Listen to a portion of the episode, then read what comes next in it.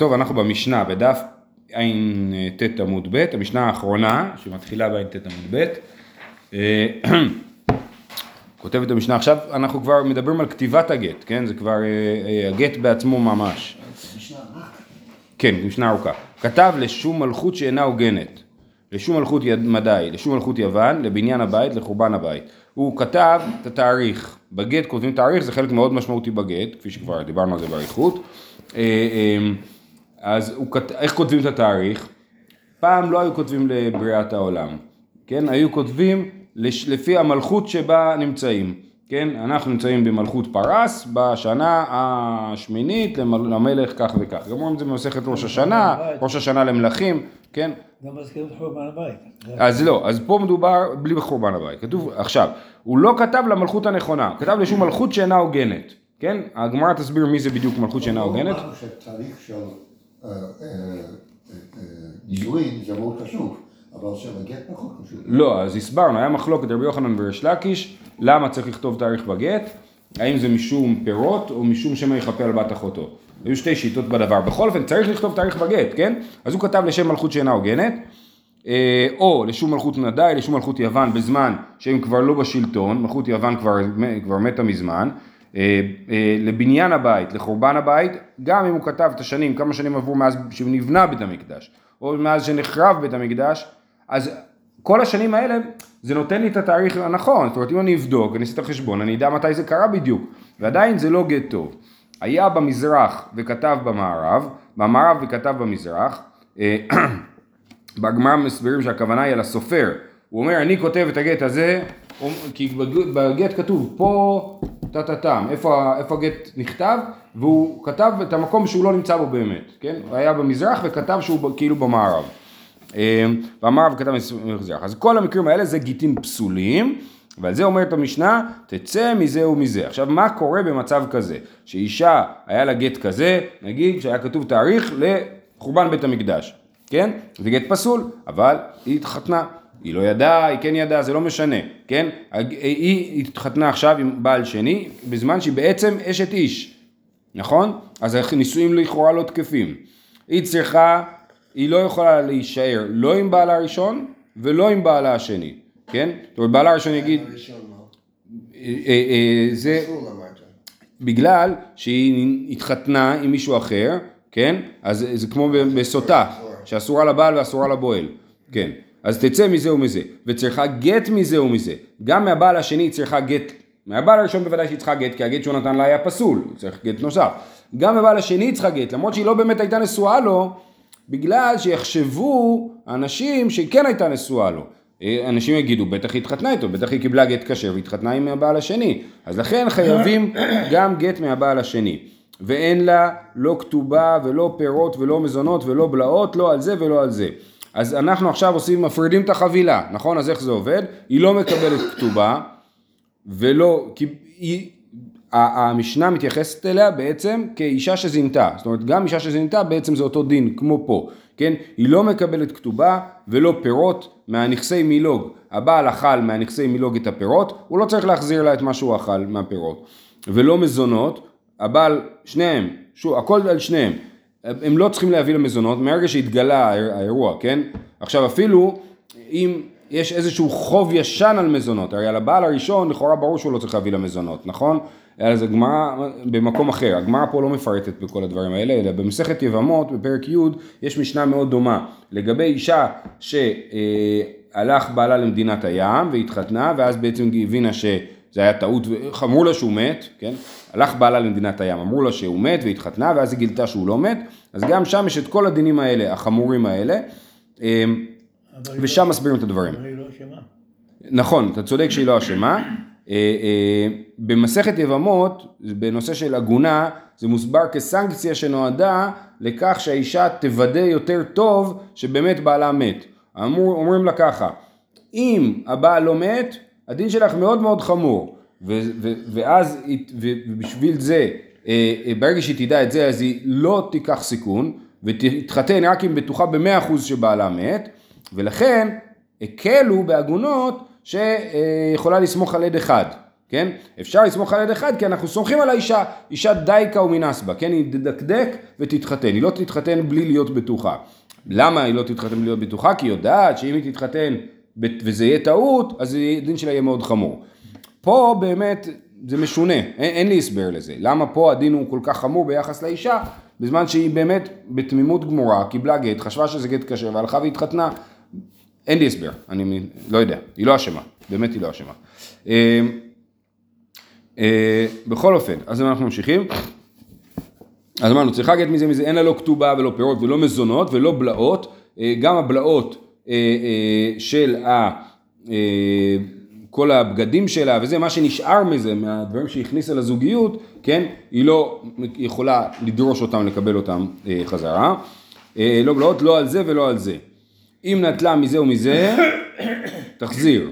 כן? זה לא רק שאין לה, זאת אומרת, היינו יכולים להגיד שאין לה תביעה על זה, זאת אומרת שהיא באה ותובעת משהו, את הבלעות, את המזונות, אומרים מצטערים, אין לך תביעה על זה, זה יותר מזה. גם אם היא לקחה את זה בכוח, אנחנו אומרים לה, זה לא שלך, תחזירי את זה, כן? זה יותר, יותר, זה צעד יותר מזה. אה, אם נטלה מזה ומזה, תחזיר. והוולד ממזר מזה ומזה. מהבעל השני הוולד ממזר, בגלל שעדיין נשואה לראשון, יש את איש, נכון? מהבעל הראשון זאת אומרת, אם הבעל הראשון ייקח אותה מחדש אחרי הבעל השני, כן? עדיין, אז אה, לכאורה אין שום סיבה שהוולד יהיה ממזר, כי הוא בעצם היה נשוי לה ולא לא התגרש לאורך כל הדרך. אה, אה, אז בכל זאת הוולד ממזר, ומסבירים שהוא ממזר מדי רבנן, כן? הוא ממזר מדי רבנן ולא מדי אורייתא, ולכן הוא לא, הוא לא יכול להתחתן עם ממזרת ולא עם ישראלית. כי עם ממזרת הוא לא יכול, כי הוא ממזר רק מדי רבנן, והממזרת היא ממזרת מדאורייתא. אז ברמת הדאורייתא אסור לו להתחתן עם ממזרת. רבנן באו ואמרו לו, אתה ממזר מדי רבנן לא בשביל להקל עליו, אלא רק בשביל כאילו להחמיר עליו. אז הוא ממזר מדי רבנן, בעצם היחידה שהוא יכול להתחתן איתה זה אה, גיורט, ואולי הוא יכול להתחתן גם עם ממזר די רבנן, אם נמצא. כמה, כמה זמן היה בין שאמרו לה שהוא הראשון מת, להתקצר עם השני. זה לא משנה. זה לא משנה. אה, כן, בסדר, זה בכל אופן, היה אסור להתחתן עם אף אחד במשך שלושה חודשים. אסור להתחתן... בסדר. אם כן... אז הוא יהיה...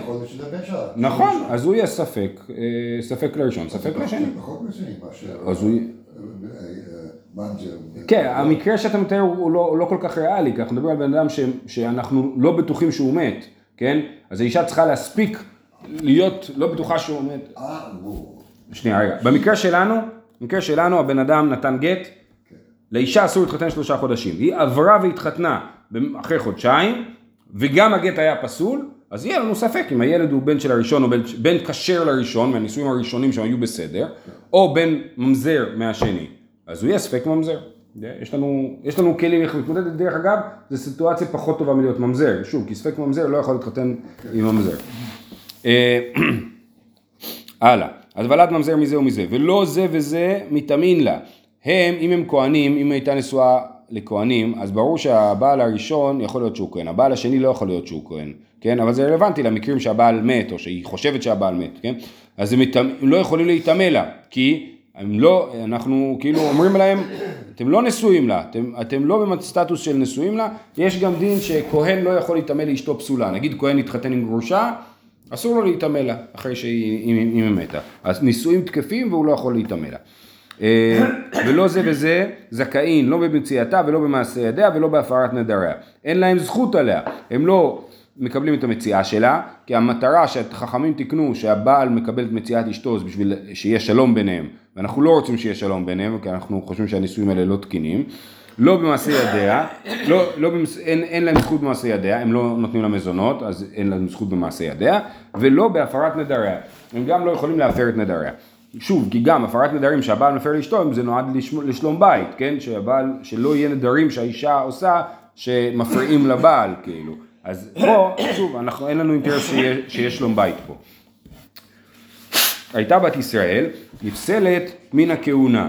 אם היא הייתה בת ישראל, ועכשיו אמרנו שהיא קיבלה גט מהבעל הראשון אבל גט לא תקין, והיא צריכה לקבל גט מהבעל השני, ומה קרה? בא ברק והרג את שני הבעלים האלה. אז היא אלמנה ולא גרושה, כי הגט לא היה תקף. עדיין היא פסולה מן הכהונה למרות שהיא אלמנה, כן, היא פסולה מן הכהונה בגלל שהיא הייתה נשואה באופן לא תקין. מל- מלכתחילה הייתה כהנת. לא, היא הייתה. היא רוצה להתחתן לכהן עכשיו. עכשיו היא, עשתה טעות עם הבעל הראשון, הבעל השני, עכשיו רוצה להתחתן עם בעל שלישי. כן, היא לא יכולה להתחתן עם כהן. בת לוי מן המעשר, זה, יש דין, יש שיטת רבי מאיר, שמעשר של לוויים, מעשר ראשון שהלוי אוכל, זה מעשר, אה, אה, הוא, הוא גבוה, הוא, איך קוראים לזה? ממון גבוה. כמו שבמעשר, אה, אה, כמו בתרומה, שרק כהן יכול לאכול תרומה, גם מעשר ראשון, רק לוי יכול לאכול מעשר ראשון. יש לו איזושהי קדושה מסוימת. אנחנו לא חושבים ככה, אבל לשיטת, לשיטה הזאתי, אז בת לוי שהייתה נשואה ונפסלה בעצם, אז היא נפסלה מלאכול מעשר, בת כהן מן התרומה. בת כהן נפסלה מן התרומה, בת כהן ברגע שהייתה נשואה למישהו שהוא פסול לה, היא פסולה, גם אם היא אחרי זה התגרשה ממנו, התעלמנה ממנו, היא לא יכולה לחזור לאכול תרומה. ואין יורשין של זה ויורשין של זה, יורשין כתובתה. אנחנו, נס... אה, אה, אנחנו לא נסביר. אה, בגמרא במסכת יבמות, אמרנו שהיא לא מקבלת כתובה, אז מה זאת אומרת שהם לא יורשים את כתובתה? אלא יש כתובה נוספת, למדנו עליה במסכת יבמות, כתובת בנין דכרין, שזה כתובה שהבעל מביא ליורשים, לא, סליחה, כשהבעל מת, אז היורשים שלו מתחלקים, לבעל מת, נגיד יש לו ילדים משתי נשים, כן?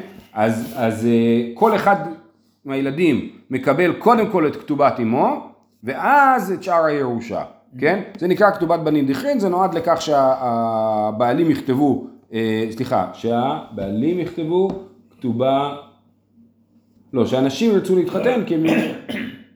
לא זוכר בדיוק, יש להם איזה וורט שזה, למה זה נועד. אה, בכל אופן, אז את הדבר הזה, את הכתובת בנים דחרים, גם כן הם לא יורשים. הכתובה. כאילו הנישואים התפוגגו באוויר ולא התקיימו מעולם. אז אין יורשים של זה ויורשים של זה יורשים כתובתה, ואם מתו, שני הבעלים האלה, אם מתו, אחיו של זה ואחיו של זה, חולצים ולא מייבמים. היא לא יכולה להתייבם, כי הנישואים לא היו אה, תקינים, ולכן רק חליצה. שינה, אוקיי, עד כאן הדין של האישה הזאת שהתחתנה בגט פסול. עכשיו יש לנו עוד דינים, עוד מקרים כאלה של, שהדינים האלה חלים עליהם. מה עוד? שינה שמו ושמה, שם עירו ושם עירה, תצא מזה ומזה וכל הדרכים האלו בא. גם אם היה כתוב את השם של האישה לא נכון, השם של הבעל לא נכון, השם של העיר שהם גרים בה לא נכון, כל המקרים האלה הגט פסול, ולכן אם התחתנה עם גט פסול כזה, אז הנישואים שלה פסולים וכל הדינים האלה יהיו עליה. כל הראיות שאמרו, צרותיהן מותרות. עכשיו, בעוד מקרים, עכשיו זה מקרה מורכב. כל ההערות שאמרו צרותיהן מותרות, הלכו הצרות האלה ונישאו, ונמצאו אלו איילונית, תצא מזה ומזה וכל הדרכים האלו בה. זאת אומרת, יש לנו, למדנו במשנה הראשונה במסכת יבמות, 15 נשים פותרות צרותיהן וצרות צרותיהן מן, ה, אה, מן הייבום ומן החליצה. אז אישה הייתה נשואה לגבר שאח שלו הוא ערווה עליה, כן? נגיד לדוגמה, אני לא זוכר, אה, אה, נגיד שני אחים ושתי אחיות נשואים, כן? מת אח אחד, אז, אז, אה, אז האישה שלו לא יכולה להתחתן עם הבעל השני כי הוא נשוי לאחותה, כן? אז היא ערווה. עכשיו, אז, אז היא פטורה מן החליצה ומן הייבום. פטורה מן החליצה ומן הוא לא יכול לייבם אותה, כן? עכשיו, לא רק זה, גם הצרה שלה. זאת אומרת, ההוא שנפטר, היו לו שתי נשים. אחת היא אחות של השנייה, והשנייה היא אישה זרה, היא לא, היא לא אחות, גם היא פטורה מן החליצה ומן הייבום. זה מה שלמדנו. 15 נשים, בתורה עובר עשור, פטורה. זה, מותר, זה אומר שהיא מותרת להתחתן עכשיו עם כל העולם. והיא גם אסורה להתחתן עם היבם, גם וגם. אמ, אמ, אז אה, יפה. אז, ומה היה המקרה? אז באמת הייתה כזאת אישה, שהיא התחתנה שני אחים ושתי אחיות, בעל אחד אה, נפטר, הצרה אמרה, מצוין, אני חופשייה, הלכה יכולה להתחתן עם מישהו אחר, נכון? אז זה... אה, הכל בסדר. אה, אז זה... אה, אז הצרה אחת התחתנה עם מישהו אחר, ואז התברר שהאישה הזאת, האחות, האישה שבגללה כאילו היא נפטרה מייבום, היא איילונית, איילונית זה אומר שהיא הכרה, הכרה כאילו מלידה, ואז בעצם מתברר שהנישואים לא היו תקפים של האיילונית. אם הנישואים של האיילונית לא היו תקפים, אז בעצם הצרה כן הייתה צריכה ייבום וחליצה. אפילו שלא ידעו. באופן כן, כן. כן, זה בדיוק, בגלל שלא ידעו, זה היה מקח טעות. אם היו יודעים, אז היה אולי כן תקף. בגלל שלא ידעו, אז זה היה אה, מקח טעות וזה מתבטל. אז כל הראיות שאמרו, צרותיהן מותרות, הלכו הצרות האלה ונישאו, ונמצאו אלו הראיות העילונית, תצא מזה ומזה, וכל הדרכים האלו בה. הצרה מתגרשת מבעלה, כי הייתה נשואה אליו באיסור, היא גם לא יכולה להתחתן עם היבם, כי היא נישאת באיסור בינתיים למישהו אחר, ולכן זה הדין שלה, תצא מזה ומזה וכל הדרכים האלו בה. עוד מקרה דומה, הכונס את יבימתו והלכה צרתה ונישאת לאחר. מצוין, היה ייבום רגיל, בן אדם נפטר, האח שלו ייבם את האישה, עכשיו לבן אדם היו שתי נשים, הוא ייבם אחת מהן, זאת שיותר מצא חן בעיניו הוא ייבם אותה. ואז האישה השנייה משוחררת, כי ייבמו את צרתה, הלכה התחתנה עם מישהו אחר. מה התגלה? שאותה אישה שהוא ייבם היא איילונית. שוב פעם, בעצם אם היא איילונית, הנישואים הראשונים לא- לאח שנפטר לא היו תקפים, ממילא רק הנישואים של הצרה היו תקפים, ורק הצרה הייתה צריכה את הייבום. ועכשיו היא התחתנה עם מישהו אחר, היא בעצם לא נפטרה עדיין מייבום, למרות שהיא התחתנה עם מישהו אחר, כן? אז הכונס את יבימתו, והלכה צרתה ונמצאת לאחר, ונמצאה זו שהייתה איילונית, תצא מזה ומזה וכל הדרכים האלו בה. עוד מקרה, כתב סופר גט לאיש, וזה מקרה אה, משעשע, אבל עצוב בסוף, כן? הסופר כתב גט ושובר. למה? כי אחרי שהבעל מגרש את אשתו, הוא נותן לה את כתובתה, אז היא מביאה לו שובר, שטר שבו כתוב, פרעת לי את החוב, כן? אז הוא כתב את שני הדברים בבת אחת, כי את שניהם הם הם היו צריכים עכשיו.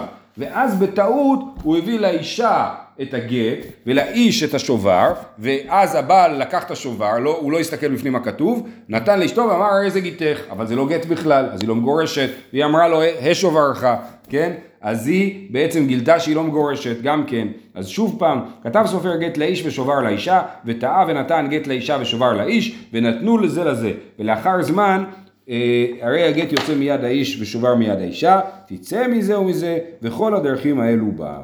רבי אלעזר אומר, אם לאלתר יצא, אין זה גט. אם לאחר זמן יצא, הרי זה גט. רבי אלעזר אומר, זה לא עובד ככה. אם זה קרה מיד, אז ברור לנו, לכל מי שנמצא, ברור במאה אחוז שבאמת הוא נתן לה, אה, אה, הוא לא נתן לה גט, כן? אבל אם זה קורה אחרי שנה, שנתיים, אנחנו עוד מעט בגמרא נראה מה מדובר, אז אנחנו אומרים, יכול להיות שהיה פה קנוניה, עשו כאילו, עבדו על האישה, ש... ש... לא, עבדו על האישה, אה, ש... או, או על הבעל השני, עבדו על הבעל השני, סליחה, שהיא לא מגורשת באמת, אז אם לאתר יצא, אין זה גט. אם לאחר הזמן יצא, הרי זה גט. לא כל אימנו מן הראשון לאבד זכותו של שני. זאת אומרת, הוא התחתנה כבר עם בן, גבר שני, נכון? ואז אומרים לה, מצטערים לא היה גט. אז אומרים, תוכיח. אז הוא אומר, הנה, יש לי ביד את הגט ולא את השובר, היה אמור להיות את השובר ביד. כן, אבל אולי לק... לקחת את הגט. זה שיש לך גט ביד, זה לא מוכיח שלא נתת את הגט, כן? אז לכן הוא אומר שאין זכותו של ראשון לאבד זכותו של מה זאת שני. אומרת ברור לכולם? הבעל בעצמו לא הסתכל על המסמך, אז הם לא יכולים להסתכלו. לא, אבל זה מספרים אחרי שנתיים. אה, אה. אז עכשיו, תוכיח שזה באמת נכון מה שאתה מספר. אתה לא יכול, אני נשוי לאישה, פתאום אתה בא ואומר לי שאני לא יכול להיות נשוי אליה, אני צריך הוכחה רצינית לדבר הזה, זה לא מספיק טוב מה שאתה מספר לי. טוב, אומרת הגמרא, מהי מלכות שאינה הוגנת? נכון, המקרה הראשון היה, כתב לשום מלכות שאינה הוגנת, שהתאריך שהוא כתב היה לפי מלכות שאינה הוגנת. מהי מלכות שאינה הוגנת? מלכות הרומיים, זאת המלכות שאינה הוגנת. זו תקופה ארוכה מאוד. כן, למה היא לא הוגנת? המה עיקר היא למלכות שאינה הוגנת? משום שאין להם לא כתב ולא לשון, כי הרב שטיינזרץ מסביר שהכתב שלהם, הוא, הוא, השפה שלהם הוא השפה הלטינית, יוונית. לא, לא, הלטינית, הרומים מדברים לטינית, כאילו, כן? היום זה, איט- האיטלקית של היום היא התפתחות מהלטינית, כן? אז הם מדברים לטינית, זה היה של שבט מסוים שהם השתלטו עליו והוא, וכאילו לקחו ממנו את השפה שלו. והכתב שלהם הוא כתב אה, טרוסקי, ככה הוא כותב שזה שבט שחי בצפון איטליה. בכל אופן, הכתב והלשון של לבנה שלהם, ולכן קוראים להם מלכות שאינה הוגנת. ככה הגמרא מסבירה. לא. מה? לא בזה. זה לא, כאילו, הם כזאת אימפריה, אבל בעצם התרבות שלהם היא לא תרבות, זה נכון באופן כללי לכל התרבות שלהם, הם די, הם די לקחו את התרבות ההלניסטית לעצמם, כן? אז הם כאילו אימפריה ענקית, אבל בעצם היא חלולה, אין לה, אין לה תרבות עצמית, לא, כאילו. הכתב שלהם, מה... אין, אין בזה עניין, לא, זה רק דוגמה, לכאורה זה דוגמה לזה שהם מלכות שאינה הוגנת. הם, הם גונבים תרבויות מאנשים אחרים. זה כאילו התיאור. יש תרבות הוגנת חוץ משלנו לפי הגמרא. כן, היא תרבות יוון. אה, היא, הוגנת במובן הזה שהיא משל עצמה, היא לא גנבה את התרבות שלה ממישהו אחר. כאילו. אה, אז מה יקרה למלכות שאינה הוגנת? משום שאין להם לא כתב ולא לשון. אמר אולה, מפני מה תקנו מלכות בגיטין? משום שלא מלכות. למה בכלל כותבים את התאריך לפי המלך? לכבד את המלך, כן? שלא מלכות. ומשום שלא מלכות תצא והוולד ממזר? בסדר, אז תיקנת משהו בשביל שהמלך יהיה מרוצה, שהוא יגיד, אה, איזה יופי, בגיטין שלהם היהודים כותבים את השם שלי, הוא יהיה מרוצה, כן? אז בגלל זה אתה רוצה את כל החומרות האלה שתצא והוולד ממזר? אומרת הגמרא, אומר אה, דאמר רבי נועין, רבי מאיר לתמי, דאמר רבי מאיר משמי דאולה, אומר רבי מאיר, כל המשנה ממטבע שטבעו חכמים בגיטין, הוולד ממזר. רבי מאיר הוא זה שכתב את המשנה הזאת, ואנחנו לא פוסקים כמותו, כן, לא פוסקים כמותו, אבל הוא חושב שכל מי שעושה שינוי הכי קטן בגט ממה שחכמים אמרו, אוטומטית הגט פסול והוולד ממזר, כן? ולכן, פה הוא אומר שהוולד ממזר, אנחנו לא פוסקים כמותו, ולכן גם אדם שכתב את התאריך באופן, התאריך צריך להיות נכון, אבל הוא כתב אותו לא כמו שחכמים אמרו, נגיד בן אדם כותב שנה לועזית בתאריך, כן? האם זה יפסול את הגט או לא? אז לכאורה, לפי חכמים זה לא יפסול את הגט. אה, דרך אגב, היום לא כותבים אה, מלכות, היום כותבים אה, לבריאת העולם, וכבר התוספות, כבר התוספות מסבירים, כבר התוספות אומרים שאנחנו לא כותבים לשם מלכות אלא לשם בריאת העולם, והסיבה היא שגם הגויים לא כותבים לשם מלכות. זאת אומרת, למלך לא יהיה נחת מזה שאנחנו כותבים בגיטין שלנו לשם מלכות, כי גם הם לא כותבים לשם מלכות. מה הגויים כותבים? את התאריך הלועזי, כן? אז אנחנו לא צריכים לכבד את התאריך הלועזי, הכל בסדר, ואנחנו יכולים לכתוב לבריאת העולם. סליחה, אני פשוט שמעתי בחצי לא. ממשיכים. כן, אז זה אמ, לשום מלכות יוון. הוא צריכה, למה הגמרא כתבה גם מלכות יוון וגם מלכות רומי? דאי השמועינן משום מלכות שאינה הוגנת, משום דמליכה. היינו חושבים, דווקא הרומאים מעצבנים את המלך המקומי. נגיד מלך בבל, פרס, כן? אז הוא אומר, אתם כותבים את המלך שהוא האויב שלי.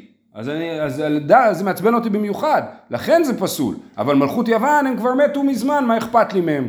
אז הייתי חושב, משום דמליכה, אבל מלכות ידי מדי ומלכות יוון, מאי דאבה אהבה, מה אכפת לי מה שהיה? ולכן הייתי חושב שזה אה, יהיה גט כשר, לכן צריכים לכתוב גם את זה. ויש מינן מלכות מדי מלכות יוון, משום דמלכות אהבו, בכל זאת הם היו מלכות, אז, אז המלך אומר, מה אתה מכבד מלך אחר בזמן שאני מלך? אבל בניין הבית, מה ידעה ואהבה? בניין הבית לא מאיים על המלך, כי זה לא מלך אחר, זה משהו שקרה פעם, מה ידעה ואהבה, כן? ואי ישמועינן בניין הבית, דאמר כמד קרא שבחיו, האם היינו כותבים לבניין הבית המקדש, אז הם אומרים, אה, הם שומרים על עצמאות אה, מחשבתית, הם אה, זוכרים את בניין בית המקדש, זה השבח שלהם. אז זה יעצבן את המלך, אבל חורבן הבית, דצרה הוא אימה לא, היינו חושבים שאם זה חורבן הבית, אז זה אה, לא יעצבן את המלך ולכן הגט יהיה כשר, צריכה, לכן צריך לכתוב אפילו את חורבן הבית, להגיד שבכל מקרה שאדם לא כתב את המלכות המסוימת שבה נמצאים, אז אה, הגט פסול.